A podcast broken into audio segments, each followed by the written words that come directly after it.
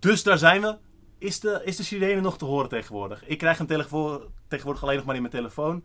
Ik hoop dat jij hem live hebt gehoord en dat het je naar onze podcast heeft getrokken. Het is augustus. Het is zeer heet. Je zou kunnen zeggen te heet om dingen te doen. Ik ben natuurlijk Alex. Naast mij zit... Robin, hallo. Hey Robin. Een nieuwe stem in de podcast. Absoluut. Heel veel plezier met de aflevering.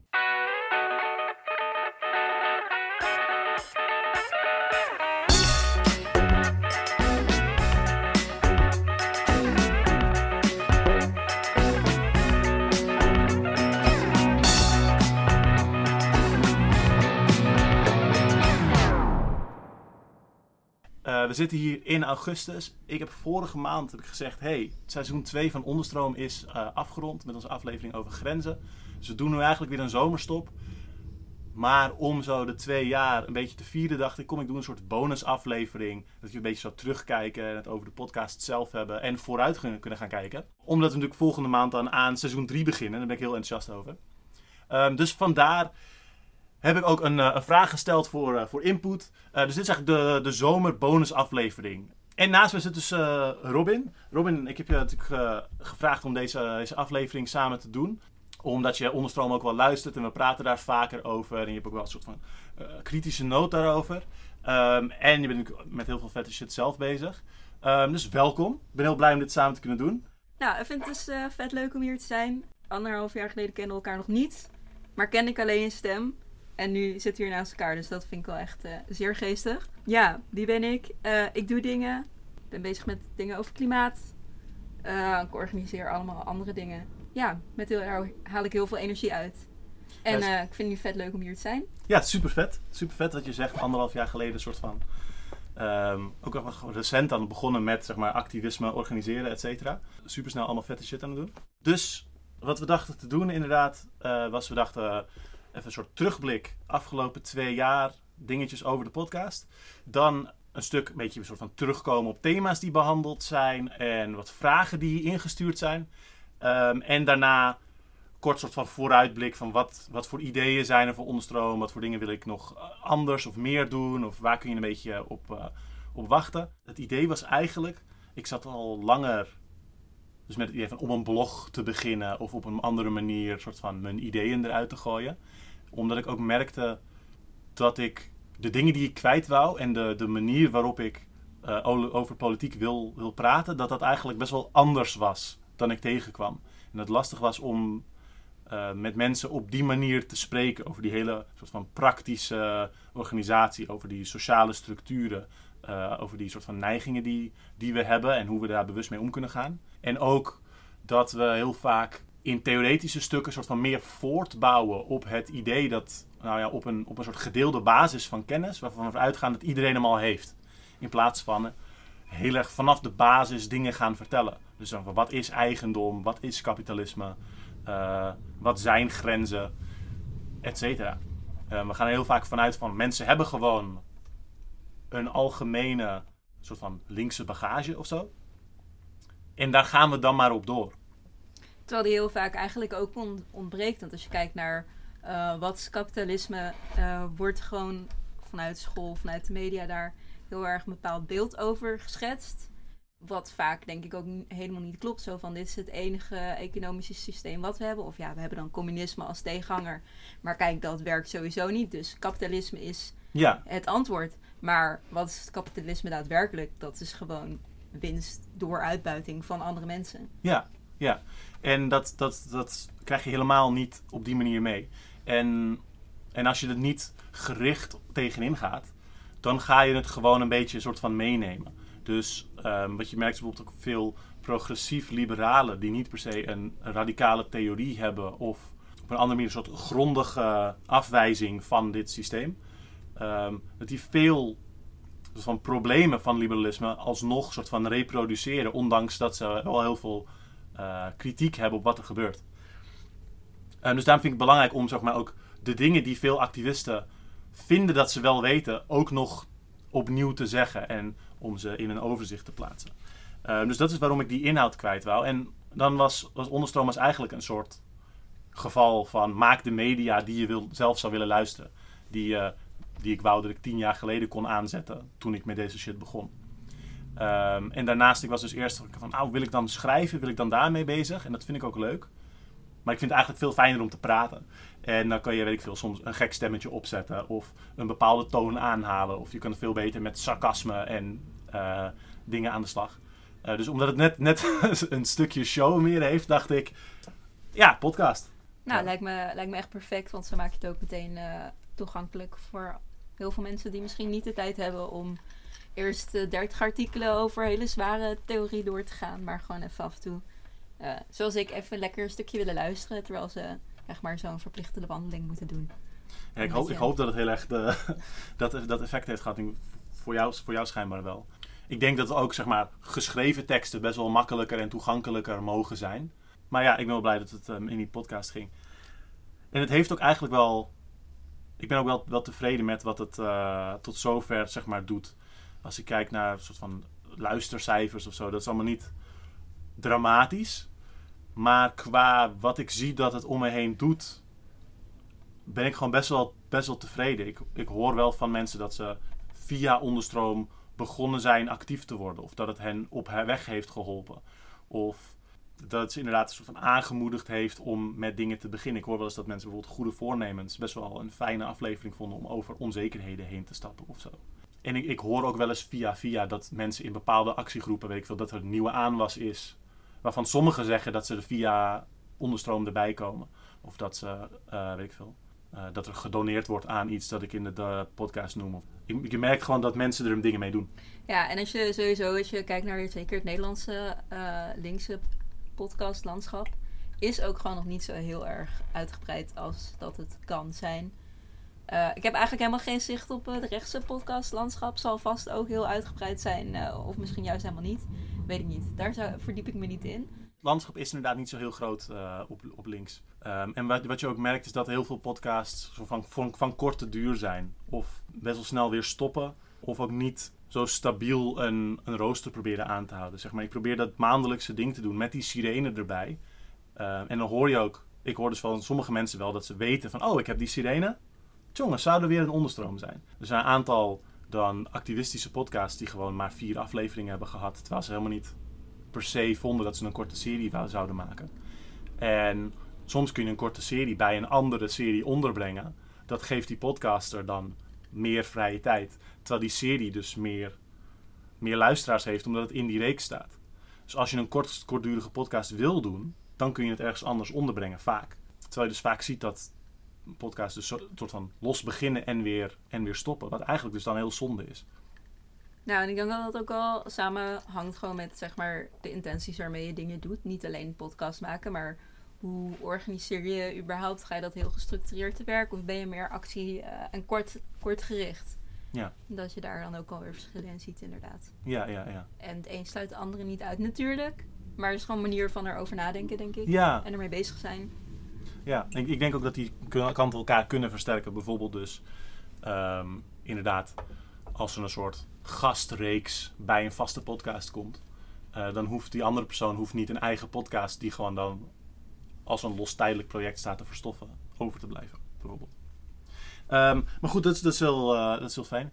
Eh, dat praktische, ik, ik merk dat eh, in luistercijfers vaak de praktische afleveringen minder populair zijn dan de, dan de theoretische. Wat is liberalisme? Die eerste is zeg maar veruit de meest geluisterde aflevering. En die, die soort van meer praktische eigen stukken veel minder. Ehm, en in die zin is Onderstroom is eigenlijk een soort van twee podcasts. Waarbij zeg maar, het praktische eigenlijk paard van Troje wordt meegegeven met de, de rest van de content. En dat lijkt best wel te werken, dat die twee kanten elkaar soort van aanvullen. De grote thema's, die trekken meer mensen. Maar dan krijgen ze ook de praktische dingen mee, die, waarvan ik vind dat ze wel iets, eh, iets toevoegen ook. Ja, en ik denk dat dat ook eh, gewoon een heel goed, een goede structuur is. Omdat je natuurlijk, eh, kijk, er zijn natuurlijk meer mensen met linkse, linkse ideeën en die staan er ook wel heel erg achter. Maar weten dan, of zijn zich dan ook vaak niet echt per se bewust dat je dan ook daadwerkelijk iets anders kan doen dan alleen maar eh, op bijeenstemmen bijvoorbeeld. Eh, als je al gaat stemmen. En dat politiek dus ook veel meer iets is wat je, wat je passief doet, maar dat je iets is wat je actief kan doen. Ja, En dat kom je dan zo goed tegen van, oh, maar je kan ook eh, zelf dingen doen. Er is geen podcast over deze onderwerpen. Nou, ken ik iemand met een microfoon, dan kan ik het even zelf gaan Ja. doen. Ja, precies. Ehm, en dat, dat is heel fijn, die, eh, die, dat soort van die agency, of dat, dat gevoel van ik kan gewoon ingrijpen. Ik zou dat kunnen doen, dan moet ik wel de tijd voor vrijmaken en er een plan van maken. En weet ik veel. Niet iedereen heeft evenveel tijd beschikbaar, maar in principe kun je dit soort dingen. Maar ik merk dat ik dat zelf ook wel een soort van een soort drempel daar, daarvoor heb. Dus ik vind het vaak wel spannend om een podcast uit te brengen. Dat ik denk van, oh, wie ben ik nou om dit te zeggen? Ehm, en ook als het zo online staat, dan sta je in Spotify, waar rocksterren wonen. Weet je? En dat is gewoon, dat best wel gek, gek gevoel. Het is dus zo'n soort van overgeproduceerde cultuurindustrie, waar alles gewoon helemaal tot in een nopje kwalitatief hoogstaand is. En op een bepaalde manier een soort van dan, als je dan een podcast hebt, dat je gewoon iemand bent die zich daar ook in bevindt. En dat je dan arrogant genoeg bent om te zeggen, nou, ik denk dat het goed is als mensen hier naar luisteren. Ehm, dat vond ik best wel een drempel om overheen te komen. Uh, en ik, ik vind zeg maar helemaal niet per se dat ik veel meer daarover heb te zeggen dan andere mensen, omdat ik dat allemaal veel beter weet. Maar het zou heel normaal moeten zijn dat mensen gewoon hun dingen waar, waar ze onderzoek over hebben gedaan of iets over hebben ontwikkeld, dat ze dat, dat ze dat delen. En de manier waarop dat zo weggezet is in een cultuurindustrie met popsterren die soort van uh, bovenmenselijke uh, mediastatus hebben. Uh, dat is gewoon een gek, gek ding. En ik merk dat dus ook wel, ook wel persoonlijk in. Uh, omdat elke keer als ik een podcast uh, lanceer waarvan ik denk van, oh, deze vind ik niet per se mijn beste nog. Fuck, fuck, fuck. Dus, daar kan ik best wel mee bezig zijn of zo. En ik denk dat, dat dat soort spanning, ook dat meer mensen dat wel hebben. Of zeg maar zelfs dat het voor het op dat punt komt, dat het al afbuigt en stopt. Ja, maar dat is natuurlijk ook wel, ja, wat je zegt inderdaad, heel erg door de maatschappij ingegeven. Uh, ook als je gewoon kijkt naar uh, wat er aan gedaan wordt om bepaalde sociale centra die net opkomen, om dat meteen weer uh, kapot te maken. Ja. En dat er gewoon maar een bepaalde monocultuur moet zijn van uh, geproduceerde muziek, om dat als voorbeeld te nemen. Ja. Um, ja. ja. terwijl het natuurlijk eigenlijk gewoon bizar is om daar zo over na te denken. Van wie zegt er dat iemand veel beter is of beter in staat iets is om te doen dan iemand anders. Die gewoon minder middelen, heeft om de allerbeste geluidsapparatuur te hebben Ja, ja. of zo. Ja, en dat is, ehm, ja, dat is, gewoon, dat is gewoon lastig. Ik, ik merk dat ook. Het is, het is gewoon heel demotiverend en pacificerend. Zeg maar, voor, voor onderstroom, het is één van een aantal politieke projecten die ik doe. En daarnaast moet ik ook eten en zo. Dus het is gewoon best wel lastig om daar veel tijd en veel aandacht in te kunnen steken. En ik kies er consistent voor om te zorgen dat er gewoon een aflevering staat. Uh, en daarin soort van vecht ik ook tegen mijn eigen. Ik zou mezelf niet een perfectionist noemen, maar hierin is het wel van ik, ik moet na een tijdje gewoon besluiten dat het klaar is en dat het goed genoeg is, zodat ik mijn andere dingen gedaan krijg en zodat ik weet de podcast gaat gewoon door. Want elke nieuwe podcast versterkt ook de vorige van hoeveel er geluisterd is, hoeveel het bij mensen front of mind blijft, wie er nu nog de ding tegenkomt. Um, dus dat is ook zeg maar belangrijk. Het is belangrijk dat zo'n project uh, door blijft gaan. Maar het idee dat je er al je tijd in zou moeten steken, of dat het pas goed is als het een beetje op het niveau is van een NPO-podcast. Of van iemand die, weet ik veel, daadwerkelijk in journalistiek zit en in media. Dat is, dat inderdaad dat is gewoon het, het, het heel erg. En het zorgt ook dat de mensen die aan het woord zijn, dat dat mediapersonen zijn. En dat is gewoon in heel veel opzichten best wel een ander perspectief dan bijvoorbeeld een, een activist of een, een organizer. En dat, dat, dat merk je gewoon in, in, in best wel veel dingen, dat dat, dat gewoon echt anders is. Um, en dat is ook een reden waarom ik soort van daarin probeer door te bijten steeds. Weet je al dat we nu al uh, bij jaar 2 zijn aangekomen? Gewoon supergoed. Of ja, bij jaar 3 dan. Twee Ja, jaar ja. achter de rug. Ja, weet, weet ook niet. Ik denk niet dat je daar uh, van tevoren zo over had nagedacht van... oh, over twee jaar ben ik dit nog steeds aan het doen. Ah, het was wel de bedoeling dat het duurzaam was en dat het door zou gaan. Um, maar ik had niet een soort van... Ik heb dit heel kort, op heel korte termijn bedacht. Om een soort bonusdingetje te doen om te zeggen van... Wow, twee jaar, dat leuk. Oké, okay, oké. Okay. Ja, ik dacht, uh, we komen nu een beetje aan, uh, zeg maar... Dat veel mensen denk ik ook wel zich afvragen van wat ook steeds weer terugkomt in de podcast. Van uh, waarom wil je het nou eigenlijk niet over de actualiteit hebben? ja. Waarom? Wat is er mis met de actualiteit? Ja, de actualiteit is, eh, is strikt verboden. De waan en dat, de dag. dat hou ik enorm strak, strak vast. Ja, daar heb je hem wel. Daar heb je hem wel. Maar de, de, de correspondent is in heel veel dingen heel zuur. Maar dit is een ding dat ik dacht van, ah, dat, dat is op zich wel nice. Je hoeft niet de krant te lezen, maar je kunt wel, zeg maar, ietsje later een soort bredere analyse van algemene eh, tendensen lezen. En dan heel veel ervan begrijpen zonder dat je dat, eh, die soort van die, die aandachtsworm van, weet ik veel, NOS-updates krijgen over een gekke gijzeling aan de andere kant van de wereld. Het idee is gewoon, ik wou voor onderstroom eigenlijk tijdloze afleveringen neerzetten. Dus dingen over organiseren die over zoveel jaar nog steeds relevant zijn. Dingen over die basisbegrippen die gewoon relevant blijven.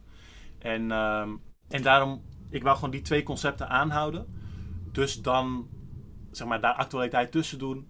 Dat, dat haalt gewoon dat concept weg. Dan kun je net zo goed, ik wil een, een alles tegelijk podcast doen. Maar dan doe je eigenlijk niks. Als je alles doet, doe je eigenlijk niks. En dat heb ik gewoon een beetje overdreven door dan maar ervan te maken van nee, het is absoluut verboden om het over actualiteit te hebben. Eh, gewoon om dat aan te zetten van dit is niet wat we zijn. Omdat heel veel podcasts die zijn gewoon, nou weet je wat, we zijn politiek. Bijvoorbeeld zeg maar de, ehm, een heel dozijn aan Engelstalige linkse podcasts. Van nou, wat is er deze maand gebeurd? Wat vind jij ervan? Tevens, we zijn allebei links, vet leuk. Ehm, en dat, dat wou ik niet en dat, dat heb ik een beetje aangezet. Ehm, stiekem zijn er soms best wel actuele dingen tussendoor. Ehm, ja. Ja, je ontkomt er toch niet altijd naar aan, natuurlijk. Mm, mm. Maar eh, ja, misschien zijn er nog wel in de toekomst wel andere mensen die een soort van, eh, zeg maar, een soort van, hoe zeg je dat goed? Een soort van archief gaan bijhouden. Ja, daar, daar is het een beetje aan te denken dat je dan een soort van wel de actualiteit gaat doen. Zodat het ook een beetje een archief wordt, omdat gewoon ehm linkse eh, actualiteit of linkse gebeurtenissen gewoon heel vaak eh, een beetje weggepust Ja. worden. Of gewoon volledig gewist worden ja. in het collectieve geheugen. Ja. Ja. Ehm, Nee, ik denk dat dat heel goed zou zijn. En dan, zeg maar, op die manier hou je ook ruimte ervoor. Doordat ik zeg, ik doe nooit actualiteit, heb je heel erg de ruimte voor een andere podcast die dan zegt, weet je wat, wij doen lekker actualiteit. Door te kiezen maak je ook ruimte voor anderen. Ja. ja, we hadden het er net een beetje in het eh, voorgesprek ook over. Zo van, eh, nou, wat, wat mist er nog een beetje qua, qua thema's? Ehm, wel een beetje een gebrek aan feminisme in podcast. En, Ja. eh, en dan zei je van, ja, we hebben natuurlijk, je hebt natuurlijk wel die aflevering gemaakt over toxische masculiniteit. En eh patriarch kraakt. Mhm. Supergoed. Ik denk dat het ook heel erg eh, goed is dat eh cis-mannen zelf nadenken over hun positie in de maatschappij en hoe ze daar anders mee om kunnen gaan dan ze misschien van kleins af aan ingegeven wordt door gewoon de media en de samenleving en alle andere dingen. Je zei van ja, ik had daar eigenlijk zelf ook nog een beetje dingen aan toe te voegen. Ehm, daar misschien wat meer over Ja, uit willen wijden? Want daar ben ik eigenlijk ook wel benieuwd Ja. naar. ja nou, ik, ik vond dus ook een hele leuke aflevering om te doen eh, met, eh met Patria Kraakt. eh, toxische masculiniteit. Ehm, en ik zat er al een tijdje, wou ik daar iets mee. Dus had, hij had ook een iets langere aanloop. En ik heb daar zelf inderdaad een soort van eigen ideeën over. En de aflevering ben ik tevreden over. En ik denk ook dat het fijn is om zo'n groep die eigenlijk vaak vooral met hun eigen groep bezig is, of naar buiten een verhaal te, te laten doen. Uh, maar ik kon er niet alles in kwijt wat ik, zeg maar, wat ik daar zelf mee bezig ben. Ook omdat het dan deels een soort meer een interview naar hun was. En iets wat ik bijvoorbeeld merk ehm, zelf op het gebied van zeg maar, wat, wat is mannelijkheid of wat voor dingen leer je als man. Zeker in, in ten opzichte van, eh, van zeg maar, de in soort van cis-heteronormatieve eh, ding van hoe je eh, met vrouwen en romantiek hoort om te gaan. Dat er nog ding, dingen zijn dat ik dacht van, oh, dat had ik eigenlijk nog wel willen, willen vertellen misschien. Bijvoorbeeld, één ding is dat er zit in heel veel soort van cultuur eh, een heel soort van mystificerend beeld over vrouwen. Bijvoorbeeld heel veel mythes over soort van gekke nymfen of net niet menselijke wezens die dan wel hele mooie vrouwen zijn en die waar, waar je soort van met een soort van gekke spelregel iets kunt doen dat je ze dan hebt of bezit. Uh, maar dat ze ook een soort gevaarlijke magische kant hebben. Dat is heel bekend, zeg maar, weet ik veel. Um, allemaal mythes over nymfen en wezens die dan soort van... Oh, dan loop je in een bos en dan kom je in een vijver zo'n prachtige vrouw tegen. En dan ga je dan ook daar het water in en dan, en dan keelt en verdrinkt ze je, want het is eigenlijk een bloeddorstig monster of zo. maar ook dus weet ik veel mythes als soort van de Ierse selkie. Dat is dan een soort, eh, een soort zeehondwezen. En die kan dan af en toe s'nachts of bij een volle maan naar op het strand komen, de zeehondenpels afdoen en dan een hele mooie vrouw zijn. En als je dan de, de pels daarvan steelt, dan, dan is ze afhankelijk van jou. Dan heb je een soort slaaf-echtgenoot eh, combi. Wat vaak dus best wel gewoon een directe uh, bezitsverhouding is geweest, dat historisch gezien. Ehm, of nog steeds. Eh, in sommige contexten. En dat, dat soort mythes, dat heel erg zeg maar, vrouwen tot niet echt mensen maakt. En een soort persiflage van vrouwen als iets dat een heel duidelijk een soort mystieke gebruiksaanwijzing heeft. Dat is iets wat je heel veel tegenkomt. En ik denk dat dat ook... Herken je dit? Ja, ik herken het ook wel in andere, andere verhalen, zeker. Mhm. En dat, dat ehm, vrouwen dan degene zijn die mensen gaan verleiden en vervolgens eh, vermoorden. Ja, ja, ja. Bijvoorbeeld. Gewoon Ja, ja. vertrouw geen vrouwen is eigenlijk altijd de, de strekking. Ja, Of maak ze tot jouw bezit. ja, Allebei echt super naar om daarover na te denken. ja, ja. En die, die, hele, zeg maar, die hele tweedeling van een, een vrouw is een, een eh, preutse, loyaal ding dat zeg maar ten iemand ten dienste staat. Of als het dat niet is, dan is een vrouw altijd een verschrikkelijke eh, heks en een schadelijk ding en een bla bla bla bla. bla. Maar dit is wel heel erg dan in, in patriarchale, eh, meestal westerse culturen. Ja, ja. verhalen die wij nu noemen. Ja, ja. Ehm, niet allemaal natuurlijk. Maar wat ik ook zeg maar, persoonlijk dan merk van als je dat soort verhalen meekrijgt, dat ze soms ook een soort van praktische slag hebben. Dat je, ik herkende dit van mezelf in met opgroeien en tienerjaren of zo, dat je best wel zo'n zo'n idee hebt van in, in romantiek heb je dat ding van mannen willen, mannen begeren, mannen hebben seksuele verlangens eh, en, eh, en vrouwen niet. Ehm, en dat is natuurlijk een binair verhaal. En dat, dat is helemaal niet zo binair, maar zo krijg je dat dan mee. En daar zit ook dan vaak wel die, die implicatie in van je moet via een soort van een listen en bedrog of zo situaties neerzetten waaruit dan opeens heel magisch romantiek volgt. Maar je kunt niet gewoon met iemand praten. Je kunt niet gewoon een vrouw zoiets zeggen via volgens dit, zeg maar, dit narratief. Want, want dat willen zij helemaal niet. Of daar kunnen ze niet voor uitkomen. Of dat is niet hoe het gaat. Of ze zien je al aankomen of zo. Ehm, en soms gaat dat best wel ver. Dat tienerjongens, eh, of, of nog ook volwassenen als ze er niet overheen komen. Soms best wel gekke, van heftige soort van plannetjes gaan smeden. Van oké, ik ga dan zorgen dat er dit is. En dat ik er dan net zo uitzie. En dat, dat misschien dat als die persoon wegloopt, dat ik dan tegen iemand anders dan iets vertel over hoezeer ik die persoon dan leuk vind. Dat ze dan net terugkomt en dat dan net tweedehands hoort of zo. Ehm, of maar allemaal, allemaal van dat soort dingen. Het is toch gewoon volkomen bizar. Ja, ja, ja. Dit is gewoon niet hoe dat werkt. Ik snap echt niet wie dit verzonnen heeft. Dat, dat dit zeg maar een soort van Ja, de spelregel is. Maar het zit in heel veel dingen. Bijvoorbeeld, ehm, er is best wel interessante video van volgens mij Pop Culture Detective over the adorkable misogyny of the Big Bang Theory.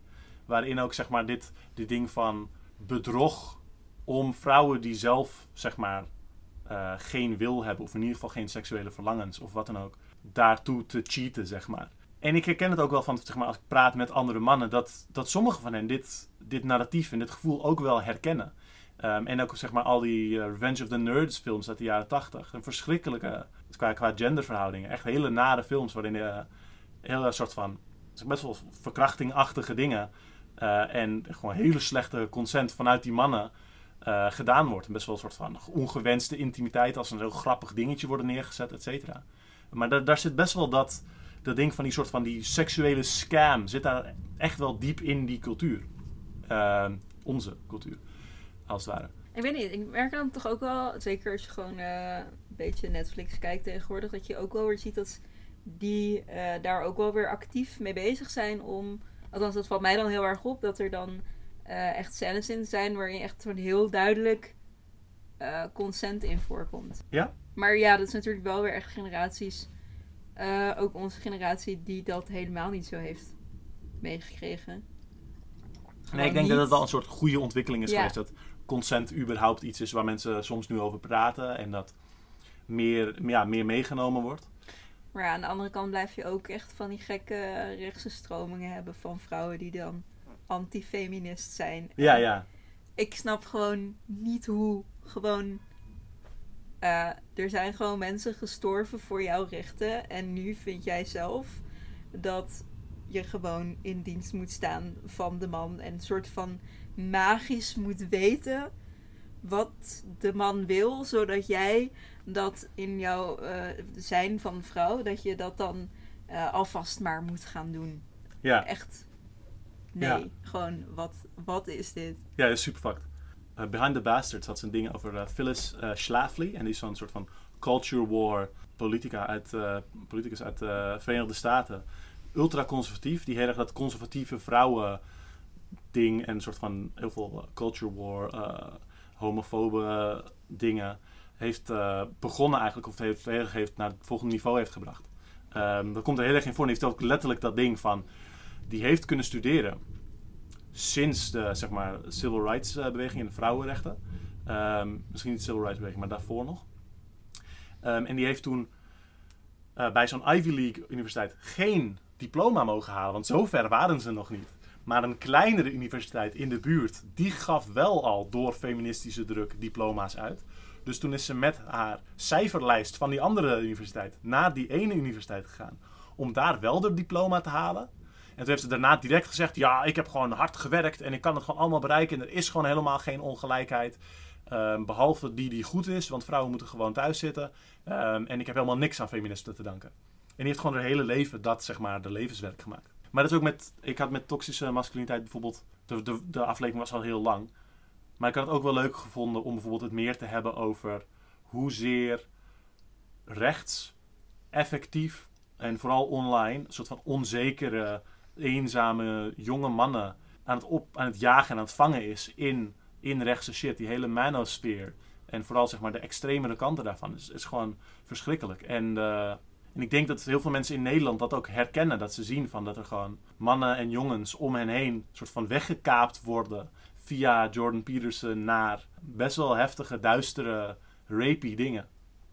Ja, en vrouwen net zo goed. Zijn ook best wel veel eh, vrouwen die zo inderdaad die rechtse hoek eh, ingetrokken worden. Mhm. Maar je hebt dan ook al als zo'n zo'n tweet rondgaan, of ik weet niet precies wat het was op internet, zo zag ik een tijdje terug, van zo'n vrouw die zei van ja, ik zat helemaal in, in die beweging.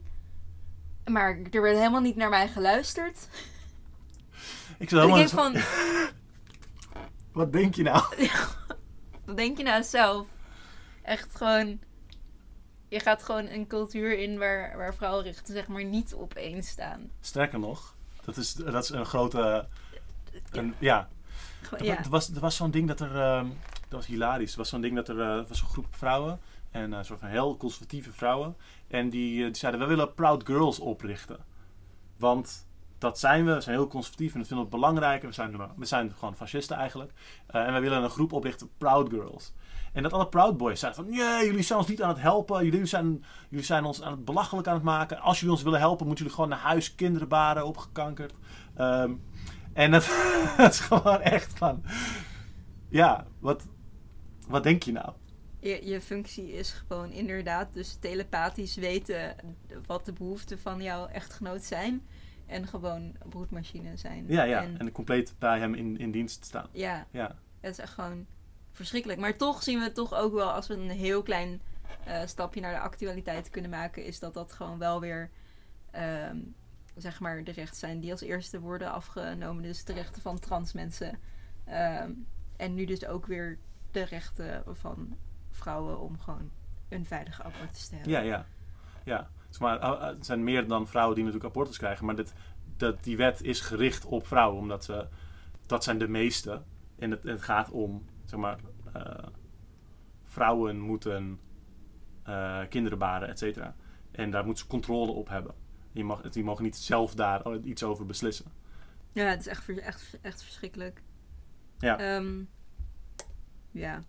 Wat, Ja. wat me dan wel weer hoop geeft, is dat je meteen, maar wat dan ook wel weer een soort van de trieste werkelijkheid is, dat je wel weer meteen eh, ziet dat mensen zichzelf gaan organiseren en wel gewoon directe actie gaan ondernemen Hmm, ja. hiertegen. Ehm mooi voorbeeld daarvan was in Mexico, geloof ik, waar het was, waar vrouwen gewoon de, het parlement hebben bestormd. Ja, ja, ja. Super Gewoon vet. Super vet. Ja, Stenen, molotov cocktails, alles. Eh, en toen zijn ze erop teruggekomen. ja, ja. Dus ja. volgens mij is nu ook heel erg de vraag eh, van in Amerika van nou, ze hebben natuurlijk eh één abortus, anti-abortuscentrum afgebrand. ja. Ehm, maar ja, wanneer? ja, ja, Kijk, je kan natuurlijk ne- leuk met je, met je Instagram-waardige bordje op straat gaan. Ja. Maar lief vragen heeft nog niet zo vaak, althans waar het politiek betreft, gewoon echt iets Nee, nee, nee. eh, opgeleverd. Nee, nee. Ik vond het heel grappig. Er was zo'n, eh, echt zo'n, zo'n graffiti-ding gemaakt. Ehm, en dat is wel waar, zeg maar, veel eh, soort van progressieve liberalen hebben dan vaak gezegd van... Nou, nee, maar als ze Roe versus Wade over... als ze dat weghalen, dan komen we wel echt in actie, hoor. Ehm dus er staat er zo van... you said you would riot if they overturn Roe versus Wade. Ja. Pay up, liberals. Ja, ja, ja, ja, ja. Goed. Die had Ja. ik ook gezien, inderdaad. Ja, ja wat, ik, wat ik zeg, ik doe, eh, ik doe onderstroom best wel een soort van popcorn. Een soort van onderwerpen die zo in bereik lijken, die grijp ik aan. En ik probeer eh, ook wel een beetje zeg maar, buffer op te bouwen en zo. Maar het, het is heel erg soort van los. En dan met een drugschema, dan blijkt gewoon als je niet gericht probeert om vrouwen en anderen aan het woord te, te zetten, dan is het vaak makkelijker om gewoon maar die thema's eh, niet direct te, te hebben. En ik, ik probeer altijd gender en feminisme in de andere thema's, zeg maar, de relevantie daar te laten zien. Dus bijvoorbeeld in de aflevering over kapitalisme wordt bijvoorbeeld huiselijk werk en de, de soort van het kostwinnersmodel en winnaarsmodel en wat dat doet voor de status van, van vrouwen, et cetera, dat mee te nemen in de basisanalyse over kapitalisme. Zoals ik ook bijvoorbeeld racisme daarin wil meenemen. Maar de afleveringen daar specifiek over, die zijn inderdaad nog uitgebleven. Ehm, milieu missen we ook nog. Eh, het zijn gewoon allemaal, allemaal thema's die, die ik eigenlijk, zeg maar, zo'n algemene wat is introductie over wil geven, wat gewoon nog niet gebeurd is. En ja, dat is niet omdat, het, omdat ik het minder belangrijk vind. En dat is, dat is deels toeval, maar het is wel, ik wil daar wel gericht eh, ruimte voor maken. En het is inderdaad, het is wel, eh, wel een beetje heftig dat dat in twee jaar nog niet gebeurd is. Dat, eh daar ben ik wel met je eens. Dat, dat vind ik niet een, niet een van de successen van Onstroom. Nee. Ja, het is gewoon wel iets wat je, wat je helaas, of jammer genoeg gewoon vaker ziet. Dat ook al ben je ermee bezig om eh, voor de dingen waarmee die je organiseert eh, mensen van kleur of vrouwen, of in ieder geval niet eh cis mannen te Mhm. vragen. ehm, dat als je daar niet actief mee begint, dat dan soms wel vaak inderdaad dan. Ja, Ja. dat het gewoon best wel vaak dan gebeurt dat je dan toch weer gewoon op witte cis mannen, of in ieder geval witte cis mannen, cis mannen uitkomt. Ja, ja, Ja, ik, had- dat ik, kan, ik had het echt wel beter kunnen doen of zo waarschijnlijk hoor, echt wel. Maar het is wel, het is wel een, een tendens die, die meer dingen raakt. En dat, dat is, dan is dit daar ook een voorbeeld van. Ja, Ja, maar ook gewoon, en dat merk ik zelf ook best wel gewoon wel vaak in heel veel dingen. Dat je gewoon heel erg merkt hoe sterk eh, je opgevoed bent in een patriarchale samenleving. En ondanks dat je dan bijvoorbeeld zelf daar helemaal niet zo heel erg eh, mee bezig bent. Of wel gewoon altijd heel erg gelijkwaardig opgevoed bent. Of gewoon zeg maar niet alleen maar in, in kliekjes met eh, alleen maar vrouwen hebt gezeten of alleen maar mannen, maar gewoon gemeledeerd. dat- Hoe diep dat gewoon in allerlei processen nog zit. En dat je er dus echt gewoon super bewust moet zijn, altijd, dat dat nog steeds in je hoofd zit en dat het nog steeds gesloopt moet worden. Ook al zijn Ja. dat dan niet je intenties. Maar dit is gewoon best wel, denk ik, een goede realisatie in zijn algemeenheid van hoe diep dat in je hoofd zit. ja, ja. Ja, absoluut. Ja, en het, het, is gewoon, het, het kost gewoon eh, bewuste, bewuste inzet. Dus denk ik ook weer meteen gewoon een oproep voor andere mensen die dingen organiseren. Ik denk dat iedereen het wel weet, of mensen die deze podcast wel luisteren, maar je moet je er zo bewust mee bezig zijn. Gewoon elke dag, altijd weer. Sloop dat patriarchaat in je hoofd. Hmm. Ja, ja, absoluut. Maar eh, voor de toekomst dus wel meer dingen over feminisme, meer dingen over klimaat, zei je net. Ja. Super vet. Racisme is ook een thema waar ik eh, nog weinig zeg maar, gericht op heb gedaan. Geen, geen racisme-aflevering. Direct over eh, kolonialisme. Die thema's komen wel in andere dingen voor. Maar de, de gerichte aflevering is er nog niet inderdaad. Nee. Oké, nieuwe rubriek. Ehm bonusaflevering. nieuws. Historische feitjes, radicale feitjes. Ja, ehm, kijk, dit is natuurlijk de, de nieuwe soort aflevering. Iets wat nog nooit gedaan is. Daar hoort nog iets nieuws bij. Eh, nieuwe rubriek. Dus- Historische radicale feitjes. Ja, we zijn gevraagd ehm, bij, de, bij de, de EME van welke, welke dingen, zeg maar in zoals van de radicale geschiedenis in Nederland of überhaupt, weten mensen eigenlijk te weinig van? Zou je iets aan kunnen raden? Dat is, dat grappig. Er was een, eh, ik had een tijd voor ons dan het idee überhaupt om gewoon een soort van derde zuil van inhoud te doen. Dus een, een derde podcast in één. Ehm, en dat zou over dit soort dingen zijn. Dingen, vergeten stukken geschiedenis. Of die eigenlijk niet onderwezen werden of die raar verteld werden. Ehm, bijvoorbeeld eh, verzet in de Tweede Wereldoorlog in Nederland wordt heel raar onthouden altijd. Ze doen alsof dat allemaal koningsgezinde mensen waren. Maar bijvoorbeeld, een hele leuke, wat mensen heel weinig eigenlijk weten, is dat, eh, ehm, dat bijvoorbeeld in Nederland, eh, nou niet per se dus Nederland, maar in eh, Friesland vroeger, dat er de Friese vrijheid was. En dat eh, Friesland heel lang onafhankelijk is geweest van zeg maar, de heren van Holland. En, de, en dat, dat er eigenlijk niet feodalisme daar was, geen koningen, geen heersers. Ehm, en dat Friesland ook wel groter was, zeg maar West-Friesland, die regio in Noord-Holland, die zat daar ook nog bij. En nog een stuk verder zelfs ook. Ja, Echt Tot, misschien tot, tot Den Haag, maar En, ehm, en dat, dat, dat, dat soort van, dat, dat, die Friese vrijheid, dat dat best wel eh, een soort van interessante eh, communale structuur, relatief meer gelijkheid dan onder feudalisme. Dat is wel eh, interessant. En er zijn, er zijn meer, meer interessante dingen aan. Zou ik, maar één, één heel cool ding daarvan is dat er eh, de heilige Roomse keizer, die is daar ooit in West-Friesland eh, neergestoken door boeren met speren, omdat hij daar met zijn entourage soort van doorheen reisde op weg naar zijn kroning. Eh, Heilige Roomse Rijk was zeg maar in dat gebied wat zo'n beetje een soort van Duitsland, Polen, et cetera is. Dat was een verzameling van allemaal prinsdommen en koninkrijken. Waarvan sommigen mochten kiezen wie de volgende keizer zou zijn.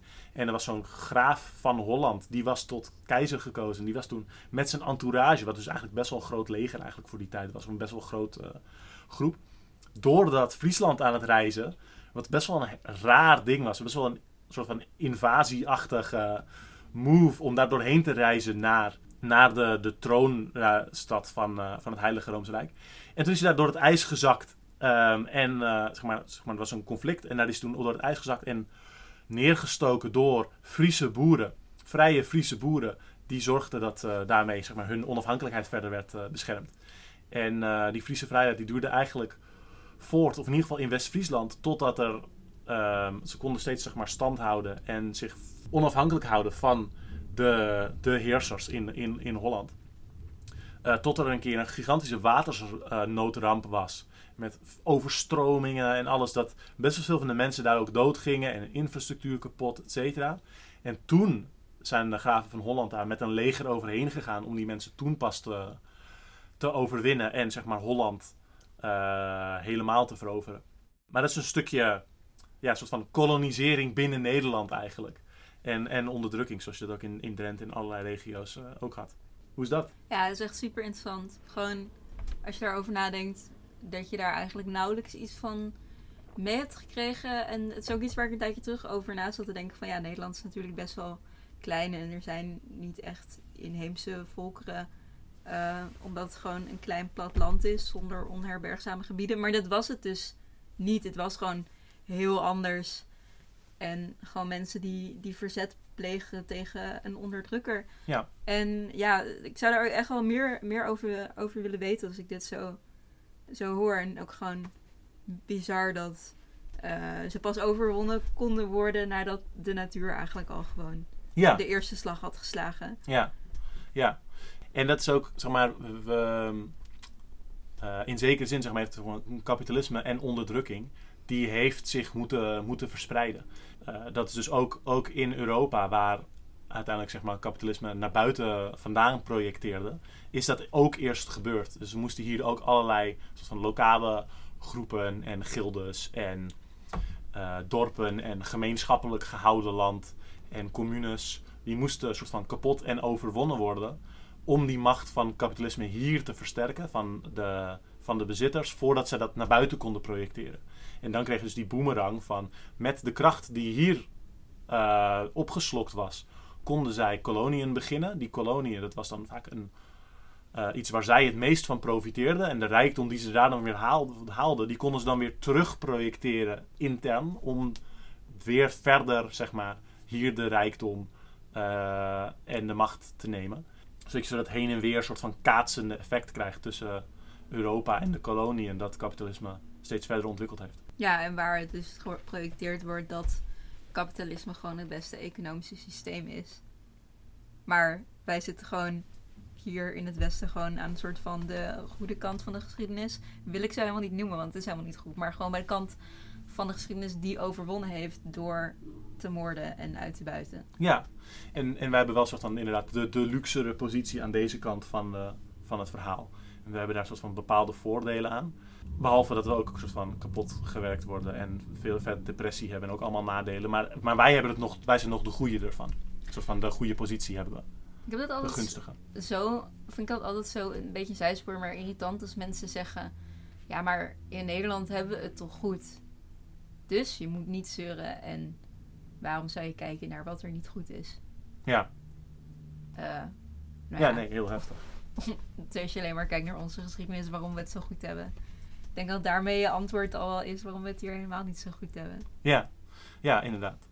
Eh, maar er wordt ook heel vaak gewoon- weinig naar minderheden en de, de armen in Nederland gekeken, et cetera, et cetera. Ehm, maar ook inderdaad gewoon dat het zoveel kost aan anderen. Nou ja, dat, eh, dat is de feitjesrubriek. De feitjesrubriek. Toet, toet, toet, toet. De feitjes. Plink, plink, plink. Er was dus nog een vraag van welke andere podcast zou je aanraden om te luisteren? Ja. en ehm, wat voor soort podcasts zijn dat? Ja, oké, leuk. Ja, ja ik, ik luister zelf graag heel erg een soort van verhalende podcast. En daarom raad ik bijvoorbeeld vaak ehm, It Could Happen Here van eh, Robert Evans aan. Omdat dat zo'n soort van een verhaal schetst.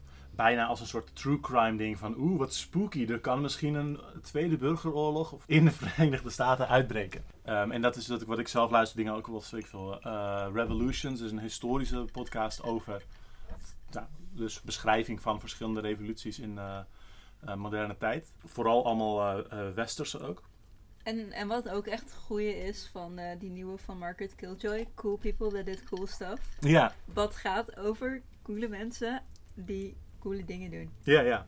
Ik heb die zelf nog niet geluisterd, maar het is een hele coole, want het is zeg maar de omkering van Behind the Bastards, die ik wel vaker noem. Van Behind the Bastards gaat over de, de zure lui die slechte dingen doen. En anders dus zo'n cool people who do cool stuff. Ja. Eh, dus dat is dan heel vet. Um, en die zou ik dus ook wel aanraden, eh, allebei. Maar dat vind ik, vind ik dan ook wel interessant dat... Ik vind van bijvoorbeeld Robert Evans heel goede podcasts maken over, zeg maar, analyses van dingen of historische beschrijvingen van dingen. En ik zoek eigenlijk nog steeds naar een manier om, misschien ga ik gewoon een lijst dumpen. Allemaal afleveringen van Robert Evans van Behind the Bastards, waarin hij stukjes van de opkomst van nieuw rechts in de VS beschrijft. En als je die samenneemt als serie, en dat is dan echt 20 afleveringen of 25 bij elkaar of zo, afhankelijk van hoeveel je er meeneemt. Dan is dat best wel een vet beeld van hoe rechts er nu eigenlijk uitziet. Vooral omdat dat rechts uit de VS en in internetcultuur zo erg de toon zet voor andere dingen. Uh, dus dat, dat vind ik een hele. Misschien ga ik dat gewoon hier in de bonus plaatsen. Want ik zat op te zoeken van wat is de ding. Maar het is een hele lijst. Dus die Phyllis Schlafly, wat ik noemde over feminisme, dat Mhm. zit daarin. Uh, met heel veel andere dingen. Dus ik zou heel vaak zou ik Robert Evans wel aanraden voor dingen. Maar het, het lastige daarbij is altijd, is dat met, met bijvoorbeeld podcasts en media aanraden, of bijvoorbeeld weet ik veel, breadtube uh, persoonlijkheden, is dat ze vaak, ze maken linkse content en ze doen daar goede dingen mee. Maar het zijn vaak niet activisten die in een levende beweging bezig zijn. En, en als ze dat wel zijn, dan zijn ze vaak alsnog in de media die ze maken, voor mijn gevoel heel erg bezig als journalist of als academicus. En de radicale theorie zelf als een apart vlak en de ervaring van organizers en het, het, praktische daaraan, dat blijft vaak een beetje weg. Of als ze erover praten, dan doen ze dat op zo'n soort van gedistanceerde manier. Of dan is het duidelijk niet iets waar zij op die manier praktisch mee bezig zijn, dat ik dat eigenlijk lastig vind. Dus bijvoorbeeld, uh, zo iemand als Robert Evans zou ik aanraden voor de historische dingen, voor de beschrijving, voor het journalisme. Maar niet per se voor hoe hij zelf praat over politiek actief zijn. Ehm, daar vind ik hem eigenlijk bijvoorbeeld niet, vaak niet zo goed in. En dat, dat vind ik lastig. Dus ik zou over het algemeen bij, bij, podcasts kijken van wat kan ik eruit halen en, en waar is het minder, minder in. Dus het is heel erg een soort van scheidslijn van wat is gewoon informatief interessant om kennis van te nemen. Zoals die geschiedkundige onderwerpen bijvoorbeeld. Maar ik merk dat je ook heel vaak op zoek bent naar wat kan ik concreet Ja, met deze informatie doen in de echte wereld. En natuurlijk, ja, wat je nu ook gewoon ziet, heel veel mensen echt wel op het internet leven en daar dan ook een soort van eh, activistisch bezig zijn, wat voor sommige mensen natuurlijk eh supergoed is. Maar op een gegeven moment, eh, als je daar de mogelijkheden toe hebt, is het natuurlijk ook altijd wel interessant om eens even te kijken wat gebeurt er nou daadwerkelijk op straat. Of welke informatie kun je dus gebruiken om dat dan toe te passen. En dat hebben die journalisten natuurlijk helemaal niet nodig, want die zijn gewoon journalist. ja. Dus die kijken daar dan dus ook niet op die manier naar. Nee, nee. En dat is ook een heel andere, zeg maar, die dingen doen. Eh, echt actief bezig zijn, bijvoorbeeld, weet ik veel. Stel het is een arbeidskwestie van actief bezig zijn met eh, mensen op je werkvloer organiseren, bijvoorbeeld. Dat verandert ook hoe je erover praat. Je, geeft dan, je hebt een andere theoretische behoefte. Dus dat verandert ook ja, je, je perspectief en je kennis en wat voor jou belangrijk is. Eh, maar dat komt dan niet terug als degene die de media maken altijd dus bijvoorbeeld academici of journalisten blijven of mediapersoonlijkheden. En dat is het main ding dat ze doen. Dan krijgen ze, hebben ze niet die verbinding met strijd. En dat verandert gewoon hoe je over dingen praat. Ja. Eh, dus dat, dat vind ik altijd eh, een, beetje, een beetje lastig daarin. Ja, ja, dat snap ik wel wat dat betreft. Dus ja, en dat is ook een, een reden waarom ik vanuit onderstroom een soort van bepaalde van die basisbegrippen begrippen wil neerzetten. Eh, juist ook om het op een minder academische manier deels te doen. Ik heb natuurlijk wel sociologie gestudeerd.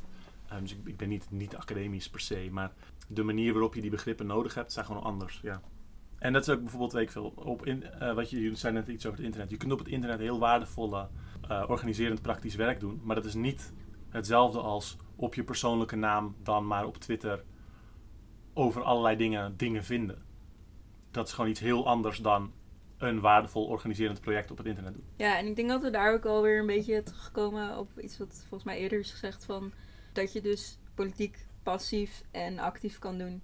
En passief is gewoon naar de stemhokje gaan en dan denken hier houdt de politiek voor mij op, want nu mag ik niet meer over dingen klagen, want ik heb gestemd. Ja, Weet je wel, wat je dan heel vaak hoort, dat je echt denkt van... eh, Oké, maar hoezo is het, dat, het feit dat je gestemd hebt... eh, een reden dat je dus niet meer mag klagen over hoe Ja. dingen gaan? ja, Maar dat politiek dus ook veel meer iets is wat je eh, actief kan doen. Waar je actief een deel van uit kan maken. ja, ja. Wat iedereen ook actief zou moeten doen. Ja, en dat, dat is ook. Ik zou zeggen dat zeg maar, mensen hebben vaak over de politiek en dat is dan het parlement en Mhm. het stemstelsel en de, weet ik veel, eh, de overheid, bla. Maar ik zeg dat politiek is een, een dimensie van de sociale werkelijkheid die is zich, in alles uit, net als economie. Alle dingen die sociaal gebeuren hebben een economische kant. Die hebben iets te maken met, eh, met bezit, met eigendom, met transactie van dingen, et cetera. Alles heeft een economische kant. Zo heeft alles ook een politieke kant. En die politieke dimensie is hoe verhoudt het zich tot, tot machtsbalans, tot, hoe, tot welke, welke regels wel en niet gelden eh, en wie dat bepaalt. Ja. En alles heeft een dimensie daarin. Dus het, eh, weet ik veel, de manier waarop wij met elkaar omgaan informeert deels dat grote ding. Dat is een heel klein deel ervan, maar dat, dat is iets. Het feit dat ik deze podcast maak, doet dat ook. Ehm, en dus het feit dat je zegt, oh, de politiek is wanneer ik eens in de zoveel jaar ga stemmen en daarna hou ik mijn bek. Terwijl de lobbyist stemt en ook dat politiek werk, politieke werk doet. Maar die wordt ervoor betaald. En dat Klopt, is denk klopt. ik ook... en het feit dat hij daarvoor betaald wordt, absoluut ja. Precies, en dat is denk ik ook wel een element, omdat natuurlijk ook in de maatschappij is van, oh je moet 40 uur per week werken. En als Ja, je dat ja. niet doet, dan ben je gewoon minder waard, want je waarde is op eh, een of andere manier afhankelijk van wat jij kan bijdragen aan de maatschappij in de vorm van eh, het opofferen van jouw levensjaren aan een Ja, ja. baas om geld te verdienen, om te kunnen leveren, eh, Ja, leven, et cetera. Het kapitaal wil elke laatste druppel van je aandacht, je energie, je motivatie wil het hebben. En die wil het inzetten voor de eigen doelen en de eigen, ja, Ja, en ik, ik hoor het ook wel gewoon van, van vrienden die dan net eh 40 uur aan het werk zijn. Die dan gewoon zeggen, ja, ik kijk niet eens nieuwe series meer. Want daar heb ik niet eens de energie voor. Dus ik kijk maar de series die ik al eerder heb gezien. Want dat kan ik dan nog aan na zo'n lange dag. ja, ja. En dat je dan denkt van ja, het enige wat je dan nog misschien aan politieke uiting kan doen, is inderdaad renten op Twitter Ja, of op Instagram. ehm, omdat dat gewoon niet zo heel veel eh, energie hoeft te kosten. ja, Misschien kost het wel heel veel energie. Maar gewoon op een hele andere manier dan daadwerkelijk eh, naar meetings gaan, dingen organiseren. En dat is denk ik ook wel uiteindelijk wat er van je verwacht wordt. Zodat je niet die straat op gaat. Ja, ja, ja. Zodat je niet gaat nadenken van... Goh, eh, zouden we de wereld op een andere manier kunnen inrichten? Wat Mhm. kan? Ja, oh ja, dan kunnen we nog hebben over vrijheid. ja, En dan, ja, daarop aansluitend... ehm, die vrijheid die je hebt om te gaan werken of om te gaan stemmen Hmm. hadden we ook nog wat punten eh, over bedacht. Om daar nog even wat. Wat is vrijheid? Want daar had je ook super mooie eh aflevering Ja, van gemaakt. klopt. Tenminste, dankjewel. Ja, nou vond ik wel. Ja, zeg maar, ik, ik was er ook mee bezig, maar ik zat ook van, het is, het is zo'n groot onderwerp. En ik, ik zei in die aflevering al van, ik wil eigenlijk die, die positieve vrijheid wat beter nog uitdiepen. En ik, ik denk dat dat ook wel gaat lukken.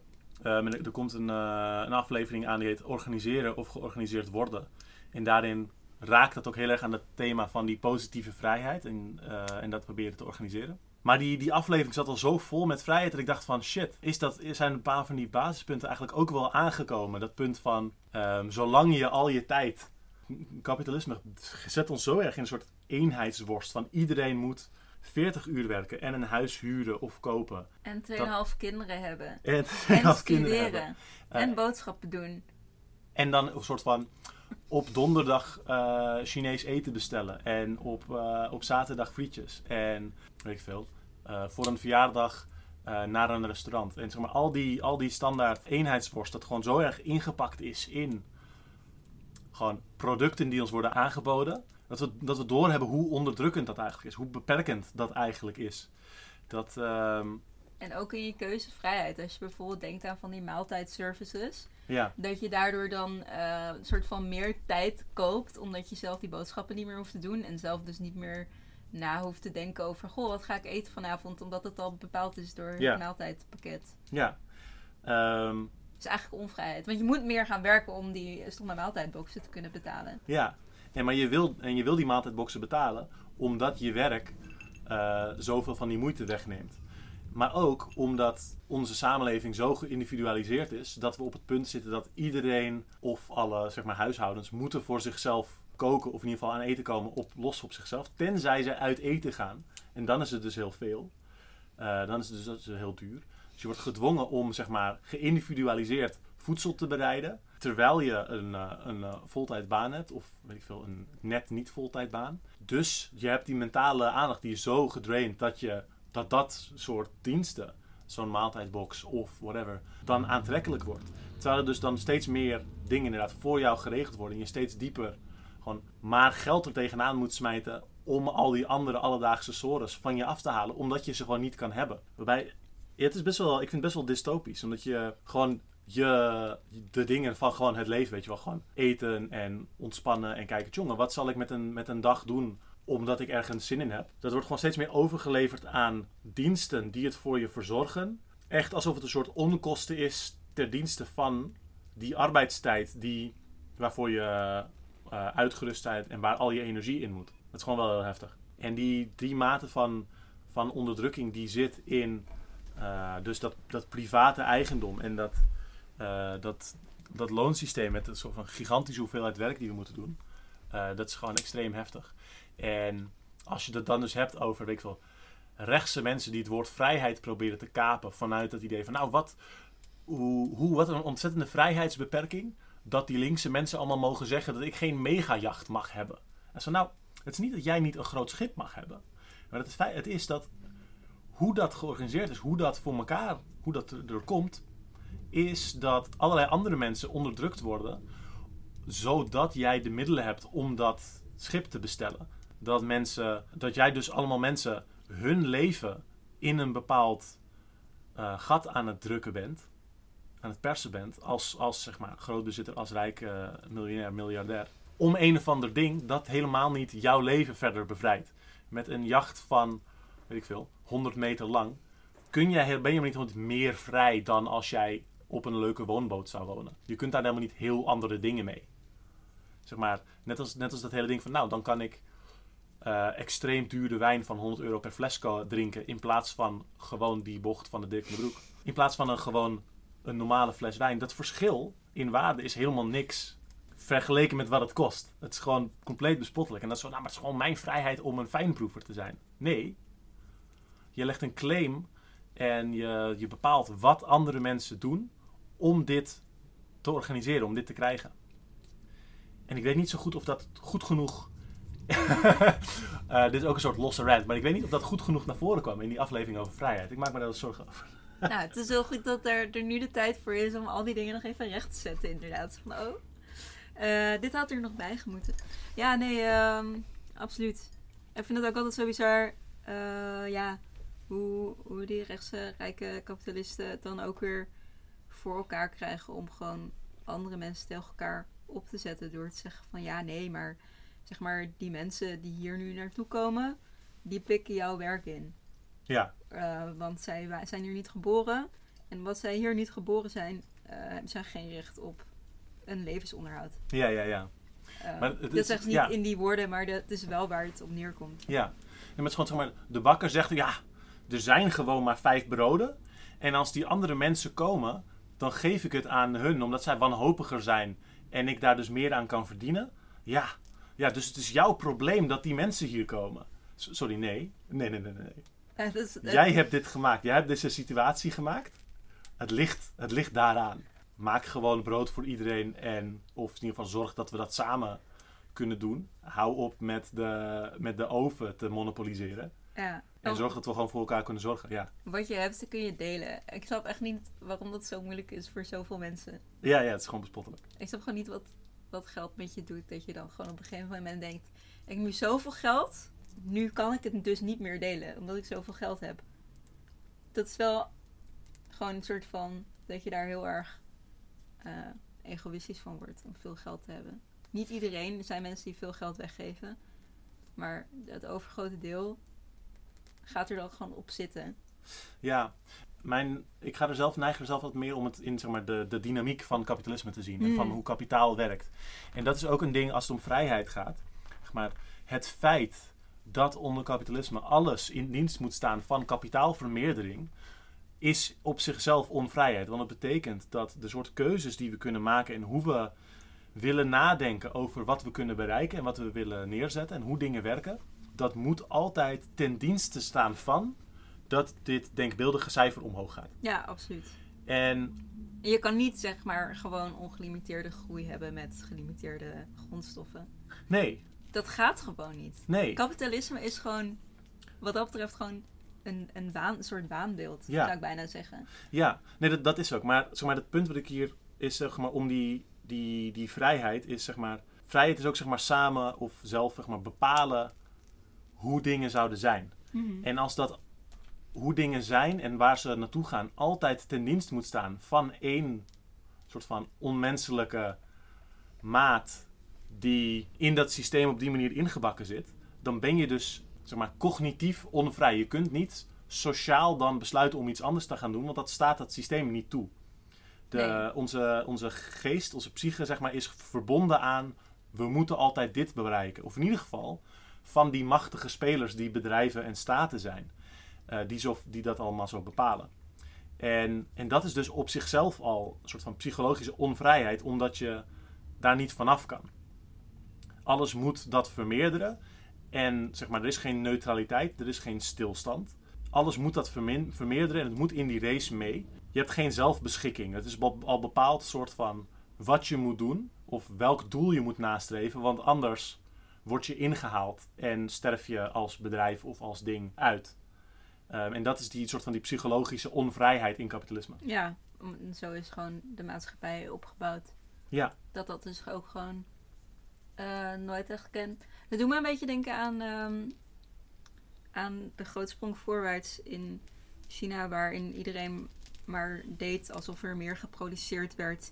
En oh, in het volgende dorp, daar waren er eh varkens zo groot als koeien. En een soort van iedereen die ging daar in mee. En dan als je daar nu op terugkijkt, dan denk je, hoe konden mensen inderdaad daar Mhm. zo ver in gaan dat je dat dus ook daadwerkelijk gelooft dat er graan is waar kinderen op kunnen zitten en dat het dan niet ombuigt. Maar eigenlijk is dat met dit verhaal wat je net vertelt precies een soort van hetzelfde. Van we leven in een bepaald systeem, iedereen denkt dus dat het zo is. Maar eigenlijk klopt dat dus helemaal niet. Het hoeft niet zo te zijn. Nee, nee. En maar dat, dat is ook interessant als je het hebt over zeg maar, in hoe, hoe, hoe geloven mensen dit of zo. En zeg maar voor, voor kapitalisme, niet iedereen hoeft het te geloven. Maar het, het gaat om dat de, de netwerken die hier het dichtste op staan, die dingen mogen bepalen, dat het daar het drijvende mechanisme is. Ja. Zeg maar, ik kan hier gewoon prima, en heel veel talloze mensen, die draaien gewoon in het systeem mee, ongeacht wat ze ervan vinden. Ja. En zeg maar, dat is een soort, soort apathie, et cetera. En heel veel mensen, of weet ik veel, liberalen of mensen die kapitalisme heel goed vinden, die zijn het er wel mee eens. Maar voor heel veel maakt het ook niet uit. Omdat, het, omdat zo'n, die mechaniek, die werkt gewoon via die, eh, ja, die mechanie, mechaniek van controle van aandeelhouders en eh, soort maar grote, grote instanties die dit soort dingen aansturen. Verschillende eh, overheids- en gelieerde groepen, zoals ik veel, de World Trade Organization, et cetera. Gewoon dat soort dingen van hoe de markt georganiseerd is. ja, en gewoon al het gemak wat daar omheen zit voor de gemiddelde burger. Van er zijn bepaalde verwachtingen. Je gaat naar school, Ja, je gaat naar de middelbare school, je gaat eh, een beroepsopleiding doen of je gaat studeren. je En grote dan- droom is, wat voor carrière wil je? Ja, wat, wat, hoezo? Ja, ja, ja. Hoezo mag niet gewoon je grote droom zijn? Ik wil gewoon chillen in een park de hele dag met vrienden. Ja, Echt, nee, ja, klopt. Bizar. Klopt. Maar ja, ja, wat je net zei, je komt, er, je komt er ook niet zo makkelijk uit. En het is gewoon, het, werkt, het hele systeem werkt gewoon heel erg pacificerend. Ja, en je wordt dus gewoon moe gemaakt om er ook niet echt over na te denken. Ja, ja, nee, inderdaad. We gaan door. Nou, we komen bijna bij het, eh, het einde. Dus even een vooruitblik, een soort van, eh, ja, een tipje van de sluier die we op gaan lichten. ja, Die jij op gaat lichten, wat je verder nog gaat doen ja, ja. in, de komende, in de komende twee jaar. In de komende twee jaar. Ja, op naar de Zo, vier. even, zo toch? Op naar de vier. Ja, wat leuk. Ehm, ja, ik, ik, ben heel, ik ben enthousiast voor, de, voor het derde, derde seizoen, derde jaar. Ehm, dat is ook een reden waarom ik dacht van, nou, ik hoef geen zomerstop. Ik ga gewoon eh, eh, deze aflevering tussendoor doen. In principe ben ik gewoon heel, heel, heel blij met hoe, dat, eh, hoe Onderstroom zo, eh, zo uitgepakt heeft. En ik, eh, er, is, er is genoeg materiaal eh, voor deze twee soort van types aflevering om te doen. Ik hoop, ik hoop dat ik wat, wat ruimte kan vrijmaken om een beetje wat, wat, wat dingen wat strakker neer te zetten voor, voor onderstroom. Het heeft, het heeft ik zei het vorig jaar ook, maar het heeft nooit echt per se de tijd ontvangen die het, die het verdient als project. En het zou wel leuk zijn om er daar iets meer van te geven. Ehm, ik zou bijvoorbeeld wat consistenter het, eh, het geluid op niveau willen houden. Dat, dat is soms wel een beetje eh, slecht gegaan. En ik zou graag dus die, die gaten van, eh, van begrippen verder willen opvullen. Dus met feminisme, racisme, trans en queer thema's, kolonialisme. En ik, ik zou graag eh, ehm, dus mijn eigen, mijn eigen analyse, mijn eigen verhaal daarin verder, verder ontwikkelen. Met een aantal soort van mijn eigen thema-afleveringen, als intentionaliteit, revolutionaire veelheid. En da- daar, daar, zou ik, daar zou ik meer van dat soort afleveringen voor willen doen. Dus daar heb ik veel zin in. En ik, eh, ik kijk ook uit naar eh, samenwerking meer met andere podcasts. Ik vond dat met, met Filogang heel leuk. Check ze, Filogang, hoi. En ik, ik hoop dat, eh, dat er meer samenwerking met, met podcasts kan, kan gebeuren. Ehm, of misschien ook met, met andere soort van politieke, politieke projecten. En één ding dat me misschien bijvoorbeeld wel leuk lijkt, is om soms met politieke groepen maar, over hun, eh, hun organiseren, hun interne structuur en hoe ze, hoe ze dat vormgeven, daarover te praten. Dus dat, dat zou een, eh, een soort een type aflevering kunnen worden dat ik wat vaker doe eh, in de. Een type aflevering dat onder dat, zeg maar, dat praktische en het organiserende voor zou kunnen gaan komen. Daar moet ik nog over nadenken, maar dat soort dingen lijken me heel leuk. Een laatste ding dat ik misschien wil doen, waar ik heel enthousiast over ben, maar ik weet niet of dat gaat lukken. En daar zou ik hulp voor nodig hebben. Ehm, maar dat is om ook soort van korte vorm audio dingen uit te brengen. Die op social media kunnen, zeg maar, zo, zoals een, als een YouTube short, een Instagram reel, een TikTok. Eh, dat je soort van korte, hardere rants kan doen over onderwerpen. Die aansluiten bij onderstroom. Ehm, en die dan makkelijker deelbaar zijn. En die dus makkelijker zo ergens te plaatsen zijn. Dat je gewoon korte takes over dingen. Vaak wat, wat, wat meer gif erin. Wat meer, eh, wat meer van dat venijn dat, ik in de, dat we in de liberalisme afleveringen hadden. De woede. Die Meer van de woede, ja. Beetje de dark side. Met die anger flow. Ehm, dat lijkt me gewoon heel fijn om, eh, om dat er tussendoor te doen. Dat je, weet ik veel, daar ook een reeks van kan doen die af en toe bijkomen. Um, en ik denk dat dat eh, de, de, een goede aanvulling kan zijn voor, het, voor onderstroom ook. om, omdat de aflevering is natuurlijk vaak heel kalm en probeer heel rustig een, een ding uit te zetten. Maar als je mensen dan nou juist naar binnen trekt met zo'n soort met zo'n die verontwaardiging en die woede, uh, dat dat misschien juist een hele goede is. Uh, maar daar zou ik dus iemand voor nodig hebben die uh, wil helpen met soort van de, de audio, verwerking daarvan, omdat het ook waarschijnlijk strakker gesneden moet worden en geëdit. Um, en dat er dus ook een, een videokant aan moet zitten die iets bewegelijker, iets geavanceerder is dan, dan wat ik nu met die YouTube-video's voor onderstroom doe. Um, en dat zou misschien ook wel beter kunnen. Uh, maar dat, dat lijkt me dus een, een mooi ding om misschien te doen. En dat hangt dus een beetje af van of dat. En dus dat is dus in principe een soort shout-out naar Onderstroom zelf. Van als iemand denkt van, oh ik luister Onderstroom, ik, ik vind dat vet. En ik zou dat misschien kunnen of daar tijd voor hebben. Dan kun je me mailen. Want dan ben ik best wel benieuwd. En dan zou ik graag in, uh, in gesprek met je gaan om uh, te kijken of we zoiets neer kunnen zetten. Ja, super vet. Dus uh, ik zou doen. Het is ook weer gewoon zo'n ding van... Je kunt dingen, wil je dingen doen, dan kan dat gewoon. Ja, ja, ja. Nou, ik vond hem hartstikke leuk. Ja, ik ook. Super nice. En nou, misschien zien we hier nog wel eens terug. Misschien, wie Foreshadowing. Weet. Ja, we gaan het meemaken. Ja, ik vond het nice om hier te zijn. Even gezellig. Lekker in deze on onweerlijke hitte een podcast opnemen. Ja. Super chill. Ja. Super nice. Heb je nog shout-outs? Heb jij nog dingen dat je denkt van, oh, dat moeten mensen wel checken? Ja, misschien, um, maar ik weet niet of dat al is geweest. Nee, dat is nog niet geweest. No Border Camp. No Border Camp, dat is, uh, nee, dat is, dat is, uh, volgende week is dat. Niet, dat is niet volgende week, dat is in augustus. Deze aflevering komt natuurlijk uit op maandag 1 augustus. En volgens mij, of 2. En dan de week daarna, vanaf de 8e, is het No Border Camp. Waar ja. we vorige keer ook ook een shout-out over hebben gedaan. Nou, daar moet gewoon uh, dus nog een keer uh, een shout-out uh, naartoe. Cool. Cool. Wat komt er dan verder nog aan? Niks? Ja, gewoon de, de hete herfst. De hete herfst. Dus altijd... de ja, vuurrode herfst. Rust lekker uit in de hitte, want in de herfst gaan we weer de straat op. Dat is altijd het gat van de zomer. Ja. Nou, hartstikke fijn. Hartstikke fijn. Robin, bedankt dat je er was en tot ziens. Uh, mensen thuis, ik hoop dat jullie uh, er lol mee hadden in jullie luie stoel of waar jullie ook zijn. En tot volgende maand in jaar 3 van Onderstroom.